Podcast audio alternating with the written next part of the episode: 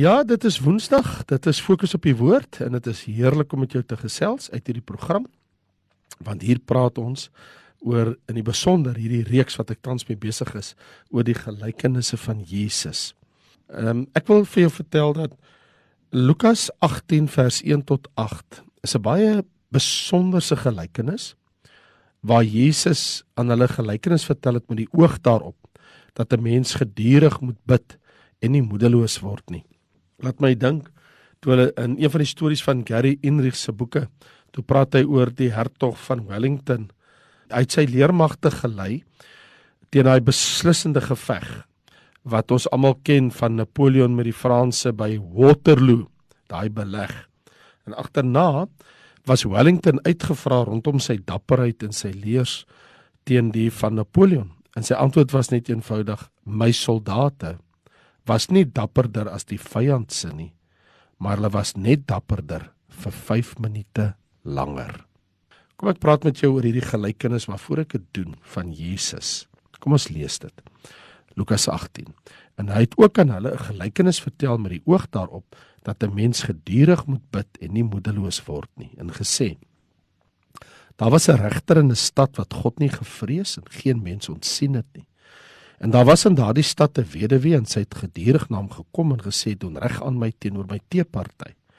En 'n tyd lank wou hy nie, maar daarna het hy by homself gesê: "Al vrees ek God ook nie en al ontsien ek geen mens nie, tog sal ek, omdat hierdie weduwee my moeite gee, aan haar reg doen, sodat sy nie eindelik kom en my in die gesig slaan nie." Toe sê die Here: Hoor wat die onregverdige regter sê. Sal God dan nie reg doen aan sy uitverkorenes wat dag en nag tot hom roep nie, al is hy ook lankmoedig in hulle geval. Ek sê vir julle dat hy gou aan hulle reg sal doen, maar as die seun van die mens kom, sal hy wel die geloof op die aarde vind? Nou op grond van hierdie gelykenis van die soos die opskrif sê die onregverdige regter is my vraag hoe bereik ek God se oor? Ek bedoel, wie van julle het nou nog nooit die kwinkslag gehoor van daai bekende voetbalfilosoof Vince Lombardi toe hy gesê het when the going gets tough, the tough get going. Vraag is hoe volhard ek?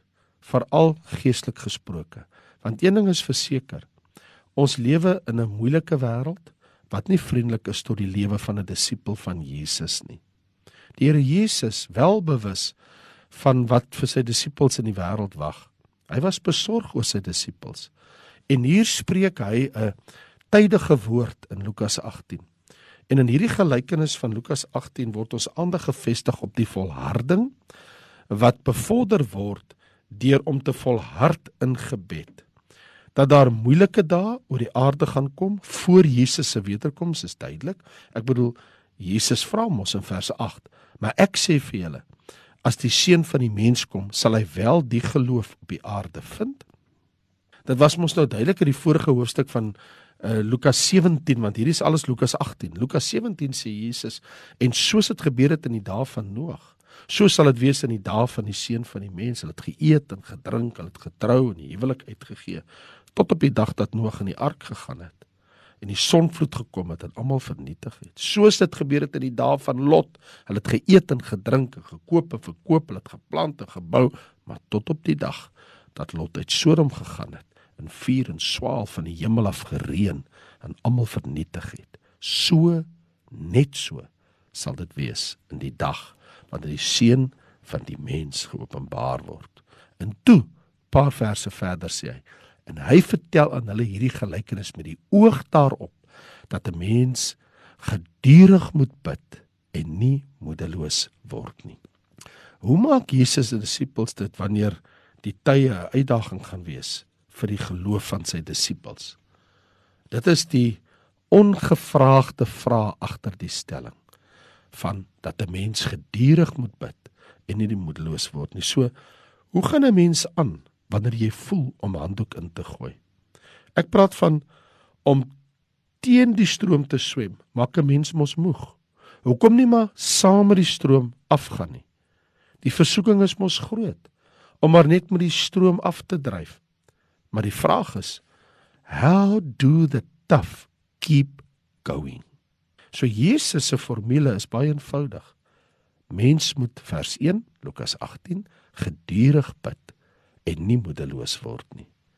Want jy sien, die Joodse rabbies, hulle leer mens moet 3 keer 'n dag bid. Islam leer hulle volgelinge jy moet 5 keer 'n dag bid. Jesus leer jy moet gedurig bid. So hierdie is dan kon ek seker maar gesê het ook die gelykenis van volhardende gebed. Want die storie wat Jesus hier vertel neem ons in die wetstelsel van Jesus se dag. Want die storie vertel ons van twee mense aan die teenoorgestelde kant van die wet of die regterlike stelsel. Aan die een kant het ons die regter, aan die ander kant ons die weduwee. Aan die een kant met die regter, hy is die toonbeeld van mag. Sy posisie as regter, hy's bekleed met autoriteit. Hy het gesag, hy het mag en hy's 'n harde man. Hy's onverseglik. Sy hart is onsensitief vir mense se hulp en mense se probleme. Hy doen wat hy wil. Daar staan mos Hy het sê uiteindelik ek vrees nie God nie. Ek ontsien geen mens nie. Ek het geen respek vir 'n mens nie. So ek doen wat ek wil. Aan die ander kant het jy hierdie weduwee. Sy is 'n toonbeeld van totale hulpeloosheid. Sy het geen posisie nie. Sy het nie 'n man in haar lewe in 'n chauvinistiese gemeenskap. Geregtigheid mag nou miskien aan haar kant wees, maar sy het geen wapens om mee te veg vir haar saak nie. So hier staan sy, hulpeloos voor 'n hartelose, onverskillige regter. Of so lyk dit. Want vir 'n tyd lank wil die man, hierdie regter, hy wil niks van haar en haar saak weet nie. Hy gee haar dowe oor. En alhoewel hy aanhou om te weier om aan haar saak aandag te gee, hy's hierdie hartelose, onwillige regter, hou sy steeds aan om na hom te kom. Volharding is al wat sy het. En uiteindelik tref sy goud. Die regter gee haar gelyk. Hy sê, "Wie wat?" Ons lees dit hierso, Lukas 18 vers 4. Al vrees ek God ook nie en al ontsien ek geen mens nie. Hy sê ek ek vrees nie God of mens nie. Maar hierdie vrou, sy maak my op Sy los my nie uit nie. So hy gee haar gelyk en hy sê nou maar bring jou saak voor my dat ek dit vir jou hanteer. Hier het 'n magtelose weduwee met geen wapen behalwe volharding aan haar reg laat geskied.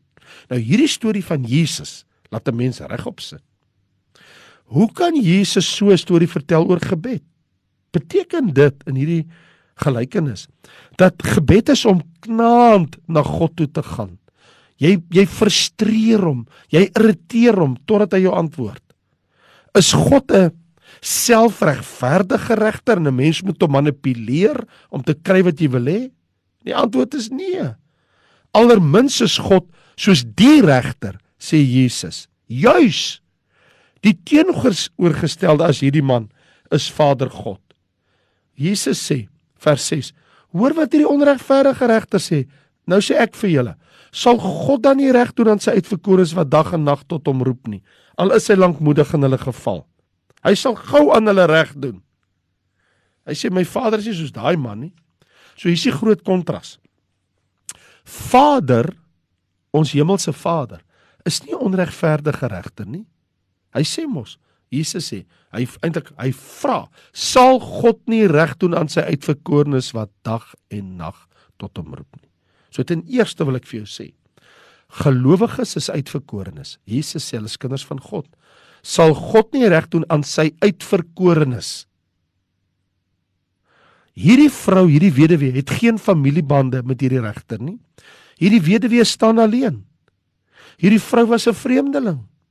In werklikheid sy het nie eens toegang tot hierdie onregverdige regter, hierdie hartelose man nie, en tog is sy gehelp. En dit terwyl ons as kinders van die Vader in die hemel hoeveel te meer kan ons nie na 'n genadige, liefdevolle Vader met ons gebedsversoeke kom nie. Ons se Vader wat in die hemele woon. Almal wat hom aangeneem het, hy mag gegee om kinders van God te word. Ek en jy kom nie as 'n as 'n vreemde persoon na God nie. Ons kom as sy kind. Maar die tweede aspek wat 'n mens tref, ten tweede hier, hierdie vrou het geen vriend nie. Daar was geen vriend wat haar bygestaan het voor die regter in die hof nie. Maar dis nie so met ons nie.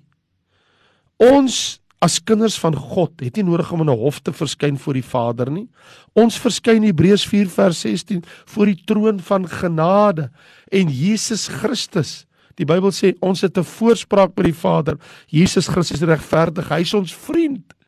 Hy's in die hemel, hy's ons middelaar, hy's ons saligmaker, hy's ons advokaat, hy's ons hoëpriester. Ons het iemand om ons te help. Ons het 'n goeie vriend in die hemel wat ons kan bystaan.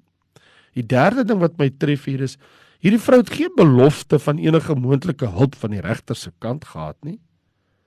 Ek bedoel, hy het net elke keer 'n dowe oor gegooi. Nie so met ons nie.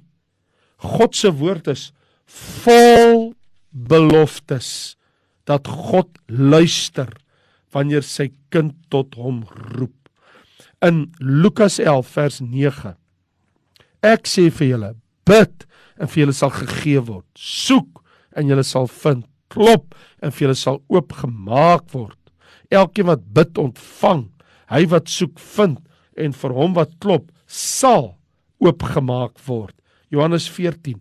En wat julle ook al in my naam mag vra, dit sal ek doen sodat die Vader en die Seun verheerlik kan word. As julle iets in my naam vra, sal ek dit doen. So ons het die woord van God, hierdie heerlike beloftes. Ons het selfs die Heilige Gees om ons te help. Romeine hoofstuk 8 sê ons vir ons daar in vers 26. Net so kom ook die Gees ons swakhede te help wat ons weet nie reg wat ons moet bid nie, maar die Gees self tree vir ons in met onuitspreeklike sigtinge. Miskien is Jesus se laaste vraag daar in Lukas 18 daar in vers 8 waar ons net nou gelees het oor hierdie gelykenis is miskien eintlik juist dit wat 'n mens op moet let. Want Jesus sê daar, ek praat nou van in die 8ste vers toe Jesus sê, maar as die seun van die mens kom, sal hy wel die geloof op die aarde vind? En dit bring my tot by hoe bereik ek God se oor? Miskien is dit juis Jesus se laaste vraag nie so seer 'n vraag as wat dit 'n uitdaging blyk te wees nie. As die seun van die mens kom, sal hy wel hierdie geloof op die aarde vind. Wat se geloof? Gedurende voortdurende gebed. Dit is ons hoe alles begin het in vers 1. Hy het 'n gelykenis vertel met die oog daarop, Handelinge uh, uh, Lukas 18 vers 1, dat 'n mens gedurig moet bid en nie moedeloos word nie. Die werklikheid van die saak hier is nie die goedheid van God nie as die uithou en volhou en volharding van die gelowige die deursettingsvermoë van die gelowige God is altyd goed God voorsien altyd maar as gelowiges wat so vinnig opgee onthou jy die storie wat ek jou vertel het waar uh, die hertog van Wellington se leermagter daai beslissende geveg gewen het teen Napoleon by Waterloo Toe vra hulle mos agterna vir Wellington, "Hoekom het jou soldate geseëvier?" Toe sê hy, "My soldate was nie dapperder as die vyand nie. Hulle was maar net dapperder vir 5 minute langer." So, ek en jy leef in 'n wêreld met toenemende probleme, lyding, verdrukking en stryd. Dis die realiteit. Die werklikheid van die lewe in 'n al hoe vreemder wordende wêreld plaas groot druk op ons om hart te verloor, om op te gee, om bes te gee. En Jesus is intens realisties oor al hierdie versoekinge en verdrukking in die wêreld wat ons pad kom. So die vraag is nie so seer of gelowiges gaan faal nie. Dit is meer 'n vraag van gaan hulle faal om aan te hou om te bid, om te volhard in gebed, om gedurig te bid. Daarom stel ek dit ook aan jou. As ons nie volhard in gebed nie, sal ons ook nie volhard in gehoorsaamheid nie. En ek hou nie daarvan om dit te sê nie. En ek wens dit was nie nodig om dit vir my te sê nie. En ek sal ook nie eerlik moet jy wees as ek dit nie sê nie. Maar as jy gaan kyk na Lukas 17 vers 26 tot 32 waar die Bybel met ons praat oor die dae van Noag en die dae van Lot en let op Lot se vrou, die laaste dae die eindtyd gaan nie daarvan groot geloof wees nie. In Noag se dae het net 8 mense geglo en is gered. In Lot se dae het net 4 mense Sodom en Gomorra ontglip en die een, sy vrou, het nog langs die pad boonop vergaan. Jy sien, 1 Timoteus hoofstuk 4 is duidelik. Die Gees sê uitdruklik dat in die laaste tye sommige van die geloof afvallig sal word en verleidende geeste en leringe van duiwels sal aanhang deur die gefeinsheid van leenaars wat gebrandmerk is in hulle eie gewete wat verbied om te trou en gebied dat die mense moet onthou van voedsel wat God geskaap het om 'n danksegging gebruik te word deur die gelowiges en die wat die waarheid ken. Ek bedoel dis soos waar ons duidelik sien in 2 Timoteus hoofstuk 3, maar weet dit in die laaste dae sal daar swaar tye kom. Mense sal liefhebbers van hulle self wees, geldgieriges, grootpraters, trotsaards, lasteraars, ongehoorsaam aan hulle ouers, ondankbaar, onheilig, sonder natuurlike liefde, onversoenlik, kwaadsprekers, bandeloos, wreed, sonder liefde vir die goeie, verraaiers, roekeloos, verwaand, meer liefhebbers van genot as liefhebbers van God. Mense wat 'n gedaante van God se saligheid het, maar die krag daarvan verloon het. Keer jou af van hierdie mense. En dit teken vir ons 'n donker prent van die laaste dae voor die wederkoms van Jesus Christus. Daarom vra Jesus met reg in Lukas hoofstuk 18, wanneer die seun van die mens kom, sal hy wel hierdie geloof op die aarde vind. Sal die Here by my en jou voortdurende gedurende gebed, volhardende gebed vind. Op die vraag, hoe bereik ek God se oor, is die antwoord baie eenvoudig. Jesus het vir ons die antwoord hier gegee. Hy sê: 'n Mens moet gedurig bid en nie moedeloos word nie. Lukas 18 vers 1. Dit wil sê gedurig gebed, gedurig bid beteken aanhoudend bid. Dit beteken volhardend bid. Dit beteken elke dag bid. Dit beteken sonder ophou bid. Dit beteken dag en nag bid. Dit beteken 'n gelowige bid. Ek en jy leer uit hierdie gelykenis van Jesus dat Vader God is nie soos 'n onregverdige regter, maar hy is 'n liefdevolle Vader.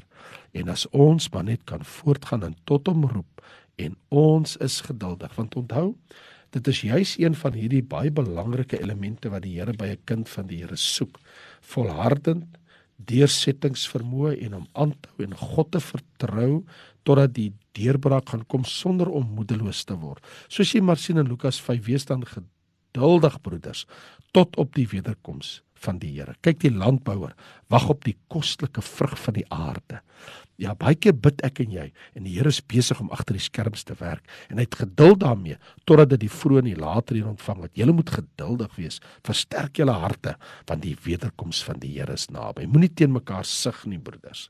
In ander woorde, ek en jy moet weet, ons moet volhou en aanhou en die Here bly soek. Hoe bereik ek God se oor? Ek bereik God se oor deur gedurig deur voortdurend te bid. Weet jy dat daar was so 'n man in die Bybel. Sy naam was Kornelius. In Handelinge hoofstuk 10 en hy het die Here gedien in sy onkunde het God alles gesien en kyk wat het gebeur. As dan in Handelinge 10. Daar was 'n man met die naam van Kornelius. Hy met sy hele huis was vroom Godvreesend. Hy het baie almoses aan die volk gegee en hy was altyd deur in die gebed tot God. sien? Altyd deur in die gebed. Hy het duidelik in 'n gesig omtrent die 9de uur van die dag 'n engel van God dan sy kom wat sê Kornelius en hy sê jou gebede, jou almoses het voor God in gedagtenis gekom. Kan jy sien? As jy altyd deur voor God in gebed is en jou hart is oop dan sien God dit. Hy sê die tyd het gekom en God het jou in gedagtenis gebring. Laat roep vir Petrus uit vir jou nuus. En toe Petrus daar kom, En Petrus deel die evangelie met hom in sy huis. Lees ons in vers 44 van Handelinge 10. Toe Petrus nog besig was om hierdie woorde te spreek, het die Heilige Gees op almal geval in Kornelius se huis wat die woord gehoor het. En die mense wat saam met Petrus kom was verbaas dat die gawe van die Heilige Gees ook op die heidene uitgestort is. Hulle het gehoor hoe hulle in tale spreek en God groot maak. Toe begin Petrus spreek: "Niemand kan tog die water weer dat hierdie mense net soos ons Heilige Gees ontvang het nie gedoop word nie." En het hulle beveel dat hulle gedoop moes word in die naam van die Here. Kan jy sien 'n man wat gedurig tot God geroep en gebid het en op 'n dag te verskyn 'n engel aan hom met 'n boodskap. Here hoef nie engel na my en jou toe te stuur nie, maar die Here kan ons gebede antwoord. Vader, dankie dat ek weet ek het nodig om moedeloos te word nie. Ek kan maar net glo, ek kan maar net voortgaan om gedurig na die troon van genade te kom, soos ons weet in Hebreërs 4 vers 16, waar ons genade kan verkry en barmhartigheid vind om op die regte tyd gehelp te word, net soos 'n Kornelius van ouds. Kornelius, jou gebede het voor God jou almoses het in gedagtenis gekom. God het in die hemel jou onthou en God gaan vir jou 'n wonderlike ding doen en die res lees ons in Handelinge 10. Vader, ek wil bid dat soos wat ons voortdurend en gedurig kom met Jesus het ons genooi. Hy sê klop. Hy sê soek. Hy sê vra. Vra en jy sal ontvang. Klop, vir jou sal oopgemaak word. Soek en jy sal vind. By God is daar 'n antwoord. Dankie Here dat Jesus ons leer om gedurig te bid en nie moedeloos te word. Dankie vir, vir gebedsverhoring in Jesus lieflike naam. Amen. Ja, ek is Raymond Lombard en ons aan die einde gekom van die program. Volgende week gesels ek met jou verder. Baie dankie en totsiens.